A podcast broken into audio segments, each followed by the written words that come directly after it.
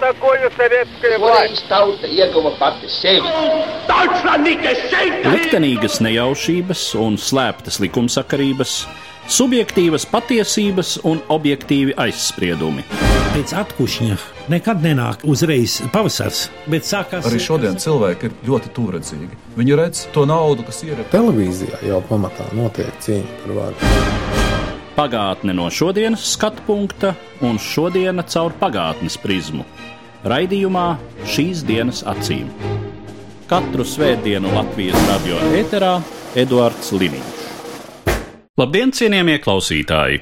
Šodien mēs turpinām mūsu sarunu par trīs gadsimtiem, kuri ir pagājuši kopš brīvmūrniecības kustības aizsākumiem. Mans sarunbiedrs studijā - medicīnas zinātņu doktors un brīvmūrniecības vēstures pētnieks Valdis Pīrāgs. Labdien! Labdien! Pagājušajā sarunā mēs pieskārāmies brīvmūrniecības vēstures pirmajam gadsimtam un konstatējām, ka Lielā mērā tā bija aristokrātijas, katrā ziņā sabiedrības elites kustība. Tajā iekļāvās par tās patroniem, kļuva dažviet pat kronēti monarhi, bet kāda bija vispār laicīgās un arī tobrīd vēl visnotaļ ietekmīgās garīgās varas reakcija uz šīs kustības rašanos? Pirmkārt, jāsāk ar to, ka nebija vienas garīgas varas vai pat vienas kristīgās baznīcas jau to brīdi Eiropā un pasaulē, un uh, Eiropa bija sadalīta vismaz trīs lielās daļās, un uh, tradicionālā Romas katoļu baznīca, kas dominēja Dienvidē Eiropā, un uh, daļā Rietuma Eiropas un Centrāla Eiropas, nu un tad ir um, pareizticība, kas faktiski tas pats, kas ortodoksā ticība, respektīvi ticība, kas uzskata sevi par pareizāku. Tas ir Grieķija, daļa Austrum Eiropas. Nu, un tad ir šis jaunais veidojums, kas ir protestantiskā Eiropa, kas arī nav vienota, bet tur ir gan mums pazīstamā evaņģēliska luteriskā baznīca, bet arī kalvinisti, hugenoti un dažādas citas mazākas straumes. Tā kā tā attieksme pret brīvmonēcību bija krasi atšķirīga šīs dažādajās Eiropas daļās. Uzreiz jāsaka, ka protestantiskajā Eiropas daļā tas kļuva lielā mērā par varas un garīgās arī varas elementu brīvmūniecību.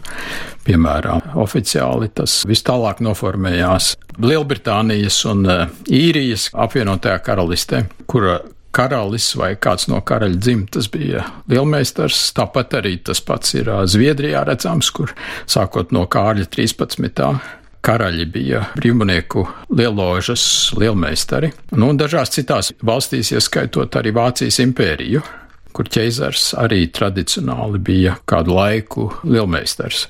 Vismaz vienai no lielošām, jo Vācija bija sašķelta ne tikai politiski, bet arī tur bija septiņas beigās dažādas konkurējošas lieložas. To nevar teikt par uh, Dienvidu Eiropu, par katolisko pasauli, kurā kā mēs jau pagājušajā sarunā runājām, ka tur lielā mērā bija tā tāda sancensības izpausme starp Romas katolisko baznīcu un brīvmonēcību šajās zemēs, kur dominēja katolisms.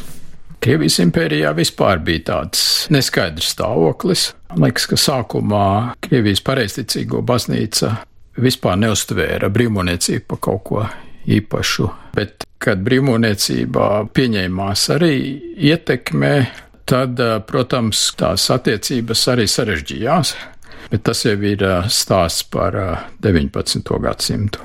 Mūs droši vien visvairāk interesē tās valstis, kuru teritorijā tobrīd ietilpa tagadējā Latvija, proti Ja mēs runājam par 18. gadsimtu, tad kopš 18. gadsimta pirmajām desmitgadēm vidzeme tā ir Krievijas impērijas sastāvdaļa, līdz gadsimta vidum Latgale paliek eh, Polijas Lietuvas daļa, un kurzeme līdz pat teju pašām gadsimta beigām paliek autonoma valsts, bet pakāpeniski šī gadsimta gaitā visa Latvijas teritorija nonāk Krievijas impērijas sastāvā. Tātad Polija, Lietuva, Krievija, bet, kā jau mēs to arī piesaucām mūsu iepriekšējā sarunā, tātad uz Latvijas brīvmūrniecības veidošanās procesu nozīmīgu ietekmi atstāja brīvmūrniecības kustību Vācijā un Skandināvijā. Jā, vismaz 18. gadsimts pilnīgi noteikti. Interesanta tēma ir Latgales mužnieki un viņu piederība Polijas, Lietuvas kopvalsts lielložām, jo tur bija vairākas lielložas chronoloģiski atšķirīgos periodos, bet Polijas, Lietuvas kopvalsts vispār ir tāds veidojums, pa kuru droši vien veselu sarunu varētu veltīt, jo tur lielā mērā nebija šīs hierarhiskās autoritārās varas, bet lielā mērā tur katra province bija autonoma, kaut kāds Romas impērijas modelis, kur, diemžēl, nav nekādu ziņu, ka Inflantijas vaivadījā būtu bijusi kāda loža, bet ir pilnīgi noteikti zināms, ka, piemēram, Hilzeni savās muižās ieviesa ļoti liberālu sistēmu, un viens no Hilzeniem bija arī lielmeistars Varšavā, Polijas lieložas teritorijā. Tāpat par heikingiem ir stāsts un par vēl citiem. Šķiet, ka tuvāk tā provinciālā loža bija Polotskā. Vēlreiz par brīvmūrniecības, teiksim, pirmo gadsimtu Latvijā un arī par to, kā šī kustība ietekmēja kādus plašākus politiskus, sociālus procesus, cik lielā mērā mēs varam saskatīt brīvmūrniecības ietekmi, teiksim, uz agrāku dzimtbūšanas atcelšanu Baltijas guberņās 19. gadsimta sākumā. Un uh, citiem procesiem, varbūt saiknēm ar atbalstu hernhūtiešu kustībai vidzemē un tam līdzīgi. Nu jā, tad ir uh, tiešām jāpievēršas diferencētai pieejai, un um, Rīgas guberņa vai Rīgas vietniecība, pēc tam Vidzemes guberņa, bija lielā mērā kultūrāli autonoms veidojums ar savām stingrām tradīcijām un privilēģijām, ieskaitot vācu valodu kā dominējošu valodu. Un man liekas, ka maz apzināts fakts ir, ka visā 18. gadsimta pirmā puse, bet arī vēlāk Krievijas impērijā bija nevis kaklakungs, bet lielā mērā pat otrādi, ka vācu baltiešiem bija ļoti liela ietekme Pēterburgas galmā, sākot jau ar ķeizarienu Annu, tad Elizabeti I, jeb Elizabeti Petrovnu, kas bija Katrīnas pirmās Martas Skavronskas meita. Mēs zinām Bīrona personību, bet tādu Bīronam līdzīgu vācu baltiešu bija ļoti daudz Pēterburgā tajā laikā pirmās Rīgas ložas un Ziemeļzvaigznes dibināšana bija lielā mērā Pēterburgas vācu baltiešu iniciatīva, un 18. Eh, gadsimta otrā puse ir eh, strauša brimonieku ložu skaita pieaugums un arī ietekmes pieaugums eh, Rīgā. Ārpus Rīgas bija vismaz divas ložas tērbatā, kas piederēja Vidzemes guberņai, un tad bija vēl vairāk ložu arī Tallinā, jeb Rēvelē, kāda bija brīvmonieku ietekme uz sociāliem procesiem. Ja mēs runājam par Rīgu, tad tās Rīgas ložas bija pārsvarā saucamo Rīgas patriciešu ģimeņu rokās. Tie bērenci, tie ir Cukerbekeri, tie ir Fonderhaides un citi, bet arī tās dišciltīgās mužnieku ģimenes, kas tajā laikā daļu gada pavadīja Rīgā un daļu savos lauku īpašumos. Pie tiem ir piemēram jāpiemina Ungarni von Sternbergi. Tad otra dzimta, kas gan nav sākotnēji dišciltīga, ir Bergmaņi. Viņi ir pārsvarā mācītāji un uzņēmēji. Šīs dzimtas tad arī lielā mērā notur to brīvmūniecības kustību savās rokās, un 18. gadsimts tiek saukts par apgaismības gadsimtu, un šīs apgaismības idejas lielā mērā tieši caur brīvmūnieku kustību izplatās no Vidus Eiropas, no Ziemeļa Eiropas arī uz Latviju. Un jāsaka uzreiz, ka tajā laikā ne kurzeme jeb kurzemes un zemgāles hercogiste, ne arī uh, vidzeme, jeb vidzemes guberņa, nebija perifēri veidojumi. Tas bija viduspunkts starp uh, Pēterburgu un uh, Vidus Eiropu, proti Berlīni lielā mērā, bet arī Vīni un Varšavu. Un tas, kas man liekas arī netiek īsti novērtēts Latvijas historiografijā, ir um, septiņgadu karš. Un septiņgadu karš pilnībā mainīja visu Eiropas ģeopolitiku. No vienas puses, Prūsija knapi izspruka no pilnīgas sagrāves, tikai ķēzarienes Elizabetes nāve paglāba Friedrihu Lielo no pilnīgas kapitulācijas. Bet pēc septiņu gadu kara vismaz vāciski runājošā Eiropa saprata, ka Pēterburga un Krievijas impērija ir viena no metropolēm. Tas galvenais lielceļš starp Vidus Eiropu un Pēterburgu veda caur Rīgu un Jelgavu. Tā kā mēs lielā mērā varam pieredzēt, kā tās apgaismības idejas izplatījās ļoti strauji šeit, un daudzi vācu baltieši, sevišķi 18. gadsimta beigās, īstenībā bija ieradušies no Prūsijas, kas bija septiņu gadu kara laikā izpostīta, piemēram, Johans Gotfrīds Herters, bet arī Akadēmija Petrīna, jeb Jelgavas akadēmiskās gimnāzijas vēlāk mācību spēki profesori lielā mērā bija ieradušies no vācu zemēm, un uh, gan Akadēmija Petrīna, gan arī Rīgas, piemēram, Domskola ar saviem skolotājiem, profesoriem bija arī tādi centri, caur kuriem izplatījās modernās tiem laikiem idejas. Par hernhūtiešiem, jeb brāļu draugiem runājot, tās ieradās Rīgā agrāk nekā brīvmoniecība, bet tā arī viena no tādām protestantisma kustībām vidus Eiropā, sākumā no Morāvijas, izplatījās uz tagadējo Saksiju un uh, atrada ļoti pateicīgu augsni, sevišķi Valmierā un pēc tam visā vidzemē. Bet interesanti arī, ka Rīgā bija ļoti spēcīgas hernhūtiešu kopienas. Viens vadītājs bija piemēram Jānis Steinhauers, kurš mazākumā cīnījās pret Rīgas rāti par latviskās izcelsmes, jeb nevācu tajā laikā Rīgas namnieku tiesībām un eh, nogāja tik tālu, ka viņš bija spiests atkāpties, bet viņš iepirka, piemēram, pierīgā muižiņas un turpināja savu uzņēmē darbību ar kokzāģētavām un cirnavām. Piemēram, Hermeliņa mūža, kas ir tagad pie eksporta ostas Pētersalām, kas bija ārpus Rīgas rātes jurisdikcijas. Tā miedarbība starp šīm jaunajām kustībām un tradicionālo varu vidzemē un Rīgā nevienmēr bija antagonistiska, un uh, Rīgas rāte, piemēram, labprāt pieļāva arī jauno ideju izplatīšanos, un Rīga atkopusies pēc lielā ziemeļkara un lielā mēra, kas tiešām paralizēja visu.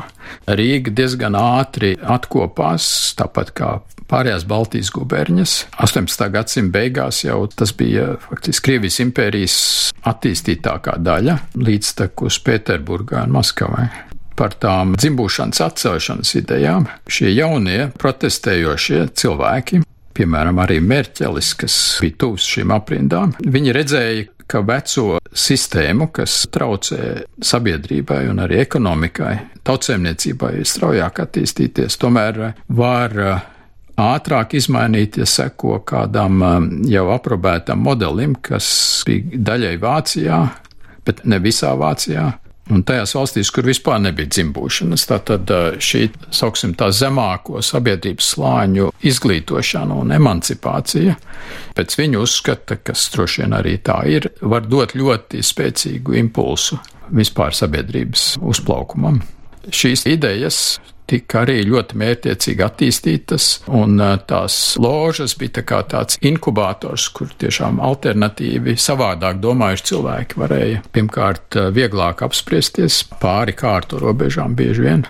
Un uh, otrs, kā arī šie ceļojošie brāļi no citām Eiropas valstīm uz laiku tur uzturējās un izpaudās, un tā šīs idejas gan nāca uz Latviju, gan arī no Latvijas gāja uz Vidus Eiropu un arī uz Ziemeļa Eiropu.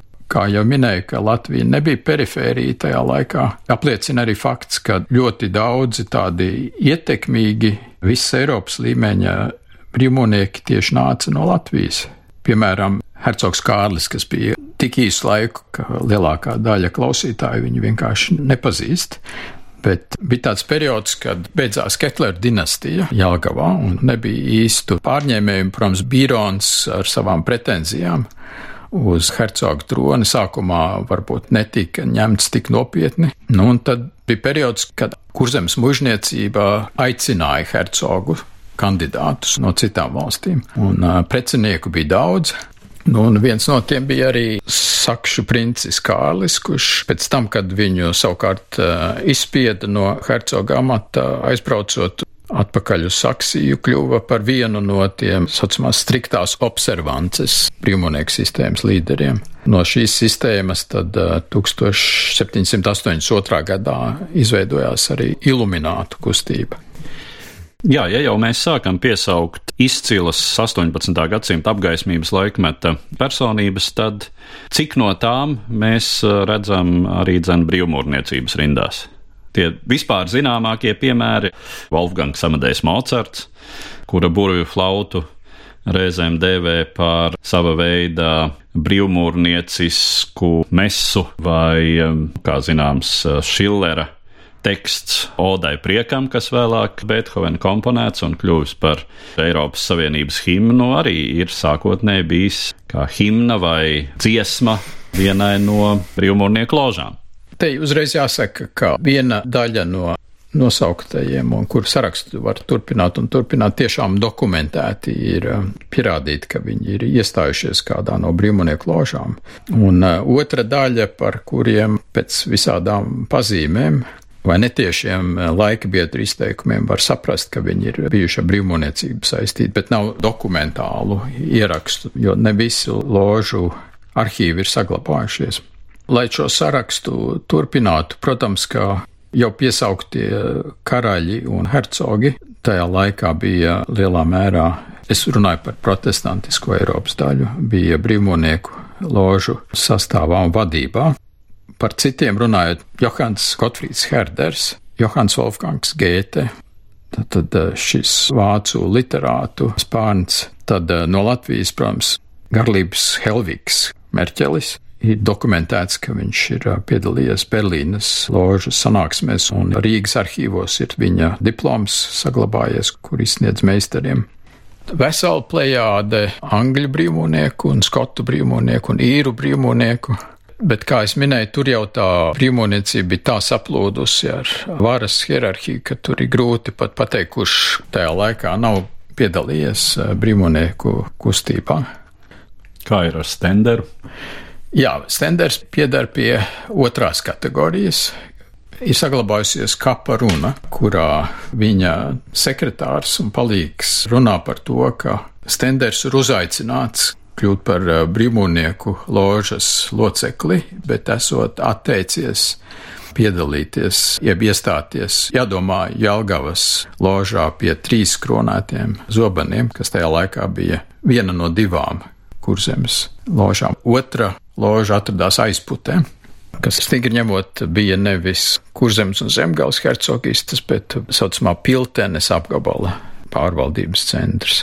Tas jāpieņem kritiski, šis eh, izteikums, ka viņš ir uzaicināts, bet esot atteicies tajā laikā jau uz brīvmaniecību Krievijas impērijas teritorijā attiecās Katrīnas otrās mutiski izteikts, bet burtiski saprasts aizliegums būt brīvmonieku ložās. Un kapa runas laikā acīm redzam bija jāpasaka kaut kādā veidā vēstījums, ka viņš tomēr nav brīvmonieks. Kāpēc es domāju, ka viņš tomēr bija brīvmonieks?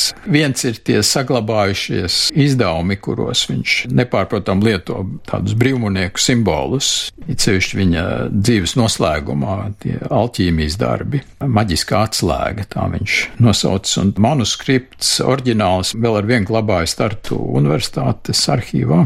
Bet ir arī noraksti, kurus varbūt vērts pārtulkot arī latviešu.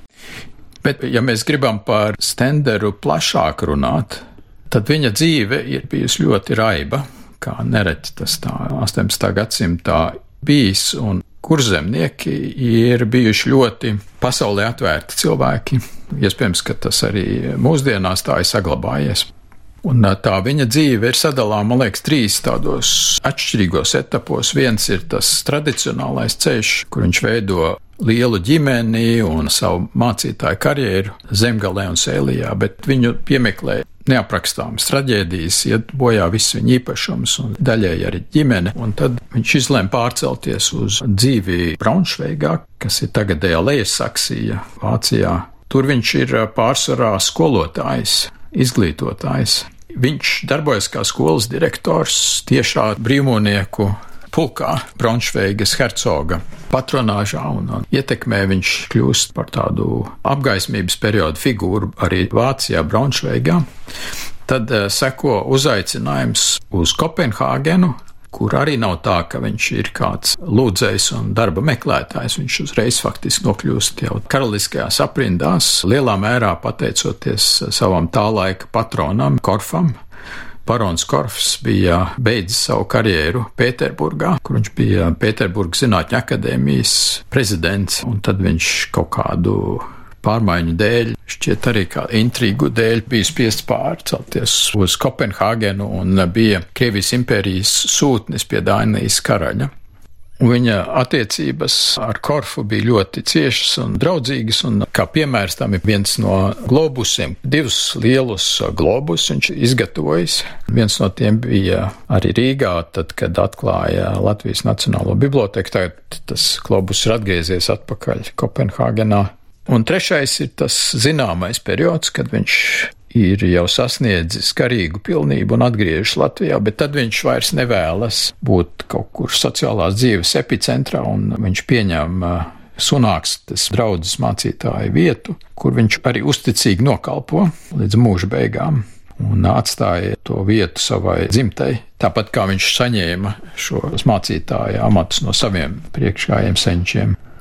Tanī laikā tad arī parādās viņa tā realizācija, ka viņš redz to apgaismību jau konkrēti, un viņš redz nevis kā filozofisku, abstraktu varbūt kustību, bet konkrēti kā tautai, kurai nav savas tajā brīdī rakstītās augstās kultūras tādu radīt. Un tas bija viņa izaicinājums, bet viņš nebija vienīgais. Tas bija interesants periods, it sevišķi kurzemē, kad ļoti pieauga interese par uh, latviešu valodu, un tas ir uh, dažādi interpretējums, un viena no manām interpretācijām ir, ka nokļūstot šajā interesantajā ģeopolitiskā situācijā pēc septiņu gadu kara, kad Krievija lielā mērā bija kļuvusi par Eiropas vienu no vadošajām atzītajām lielvalstīm, un Vācu dišciltīgie bija pieraduši būt uh, uzticīgi vasaļi. Tas ir interesants vācu, bet īpaši baltvācu fenomens, ka viņi kalpoja diezgan uzticami jebkuram senioram,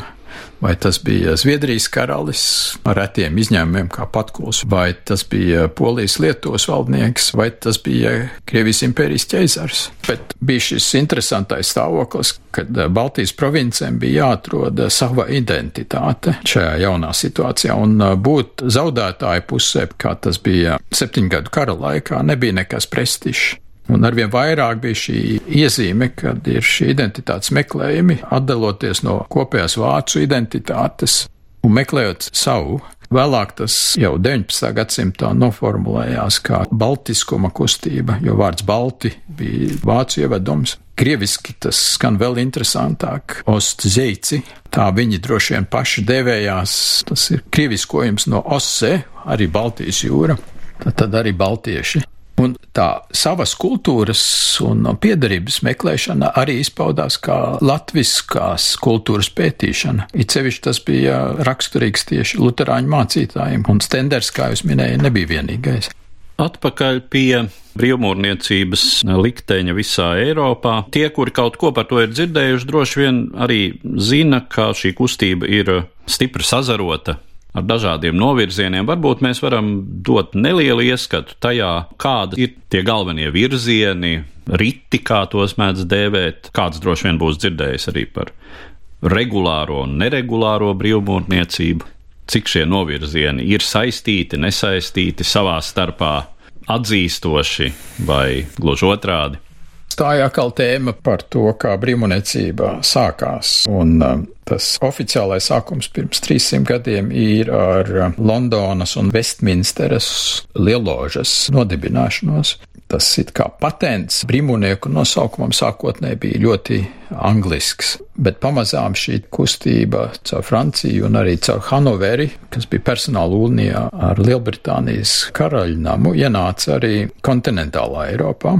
Tad sākās šī sašķelšanās daudzos seku, jeb patapinātajos rituālos. Un tās sistēmas lielā mērā bija divu veidu. Viena bija tā, kas vairāk vai mazāk sekoja oriģinālai sistēmai, kur bija trīs pamatgrādi, un papildinātais grāds bija karaliskās vēlves meistars. Tad Eiropā, it sevišķi Vācijā, kad izveidojās šī striktās observances sistēma, kas savus pamatus saistīja ar um, templiešu ordeņa leģendu, ka ir šī hierarhiskā pakļautības sistēma brīvmūniecībā, tas tā laikā postulāts, kuru vada nezināmi augstāko grādu meistari, kas ir lielā mērā šie templiešu ordeņa pēcteči. Šī ziņa par to, ka Eiropā lielā mērā ir pārvaldīta no alternatīva varas centra, bija ļoti attraktīva. Un it sevišķi tas attiecas uz protestantu zemēm, kur tradicionāli bija opozīcija pret Romas pāvesta varu. Un uh, tad izveidojās tā sistēma, kur uh, teica, ka ir šīs tā saucamās zilās ložas, kur ir tradicionālie tie angļu trīs grādi - māceklis, zellis un meistars. Un tad ir uh, augstāku grādu ložas, kur pārsvarā ir dišciltīgie cilvēki. Un tās tad tādas lielākas provinces veidoja, un tie varas centri pārsvarā sakrita ar valstu galvaspilsētām vai provinču galvaspilsētām. Starp citu, šādas augstāko grādu, jeb to laiku sauktas vecas skotu ložas, bija arī Rīgā un Jelgavā. Virs tām bija vēl kāda sistēma, kuru, piemēram, Pētera akadēmijas, jeb Jelgavas akadēmiskās ģimnāzijas profesors Štarks bija dibinājis. Viņš gan ne tik ilgu laiku bija profesors Jelgavā, bet viņa ietekme uz brīvmūniecības augstāko grādu, jeb skotu grādu sistēmas attīstību bija tiešām varena. Un um, viņš ieviesa tā saucamos klerikālos grādus, Un klerikālie grādi, kā nosaukums liecina, ir saistīts ar garīdzniecību, bet ar eh, garīdzniecību tādā plašākā izpratnē. Un tas interesantais fakts par Štarka personību ir, ka ir zināms, ka viņš bija Parīzes bibliotekas viens no vadītājiem, arī seno rokrakstu pētnieks. Respektīvi, tās viņa idejas lielā mērā nāca no kādiem senākiem avotiem, un uh, viņš prata gana daudz valodu, un bija pētījis arī eģiptiešu rokrakstus.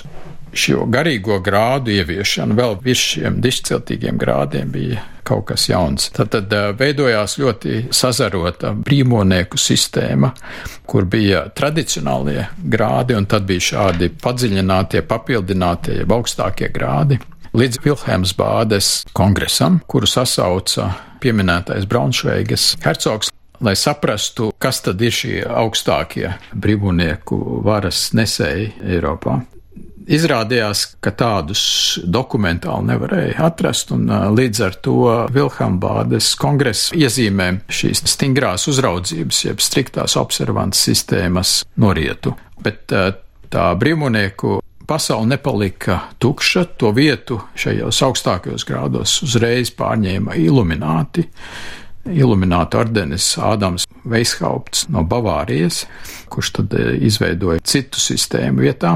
Otra sistēma, kas radās pēc striktās observances, ir Latvijai aktuālāka daudz sistēmu, ko sauc par Zviedru 11 grādu sistēmu, un to izveidoja Zviedrijas karalis Kārlis 13. kurš pats bija aktīvs brīvmonieks, un pēc Zviedrijas ļoti lielām neveiksmēm, faktiski fiasko, atkārtotos karos ar Krieviju un ar citām Eiropas lielvalstīm, Viņš bija tas, kas mēģināja restartēt, um, mūsdienu valodā runājot, uh, visu Zviedru sabiedrību. Pēc Kārļa 13.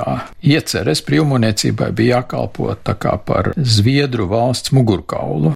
Un šī sasarotā sistēma, kur viņš pats un viņa pēcnācēji bija lielmeistari, katrā provincē bija sava provinciālā loža, un katrā Zviedrijas pilsētiņā bija sava loža vai vairākas ložas. Un šī sistēma diezgan labi funkcionēja līdz pat 20. gadsimtam. Tā ir tā 11 grādu sistēma. Tā kā tā īsā atbilde, kā ārkārtīgi raiba šī sistēma bija, un par regulāro, neregulāro brīvmūniecību runājot, bija brīvmūnieku ložas, kas vai nu pašas izlēma nesekot vairs tiem senajiem priekšrakstiem, vai arī bija tādas, kuras dibināja tādi avantūristi. Par avantūristiem runājot Latvijas vēsturē, man liekas, ka visiem pazīstams daudz maz ir Kaļostro tēls. Aleksandrs Kaļostro ieceļoja Jelgavā, pēc tam īsi arī caur Rīgu un tālāk uz Pēterburgu pie Katrīnas otrās. Un tas periods, kurā viņš uzturējās Jālgavā, bija iezīmīgs ar to, ka Kaļostro tad um, ieviesa savu, kā viņš teica, Ēģiptes rituālu, kurā viņš ne tikai vīrieši, bet arī sievietes uzņēma Tas balstījās lielā mērā uz misticisma iezīmēm, bet tie viņa seansi, caur kuriem viņš kļuva populārs, bija netik triviāli īstenībā. Reizēm to vienkārši par krāpniecību uzskata, un tas lielā mērā Elīzes Fonda Rekes iespaidā, kur uzrakstīja savu atmaskojošo darbu, ar kuru viņa arī kļuva pēc tam slavena vāciski runājošā Eiropā. Šeit, cienījamie klausītāji, man jāietur pauze sarunā ar medicīnas zinātņu doktoru un brīvmūrniecības vēstures pētnieku Valdi Pīrāgu. Mūsu sarunas noslēgumu, kurā pamatā pievērsīsimies brīvmūrniecības kustībai 19.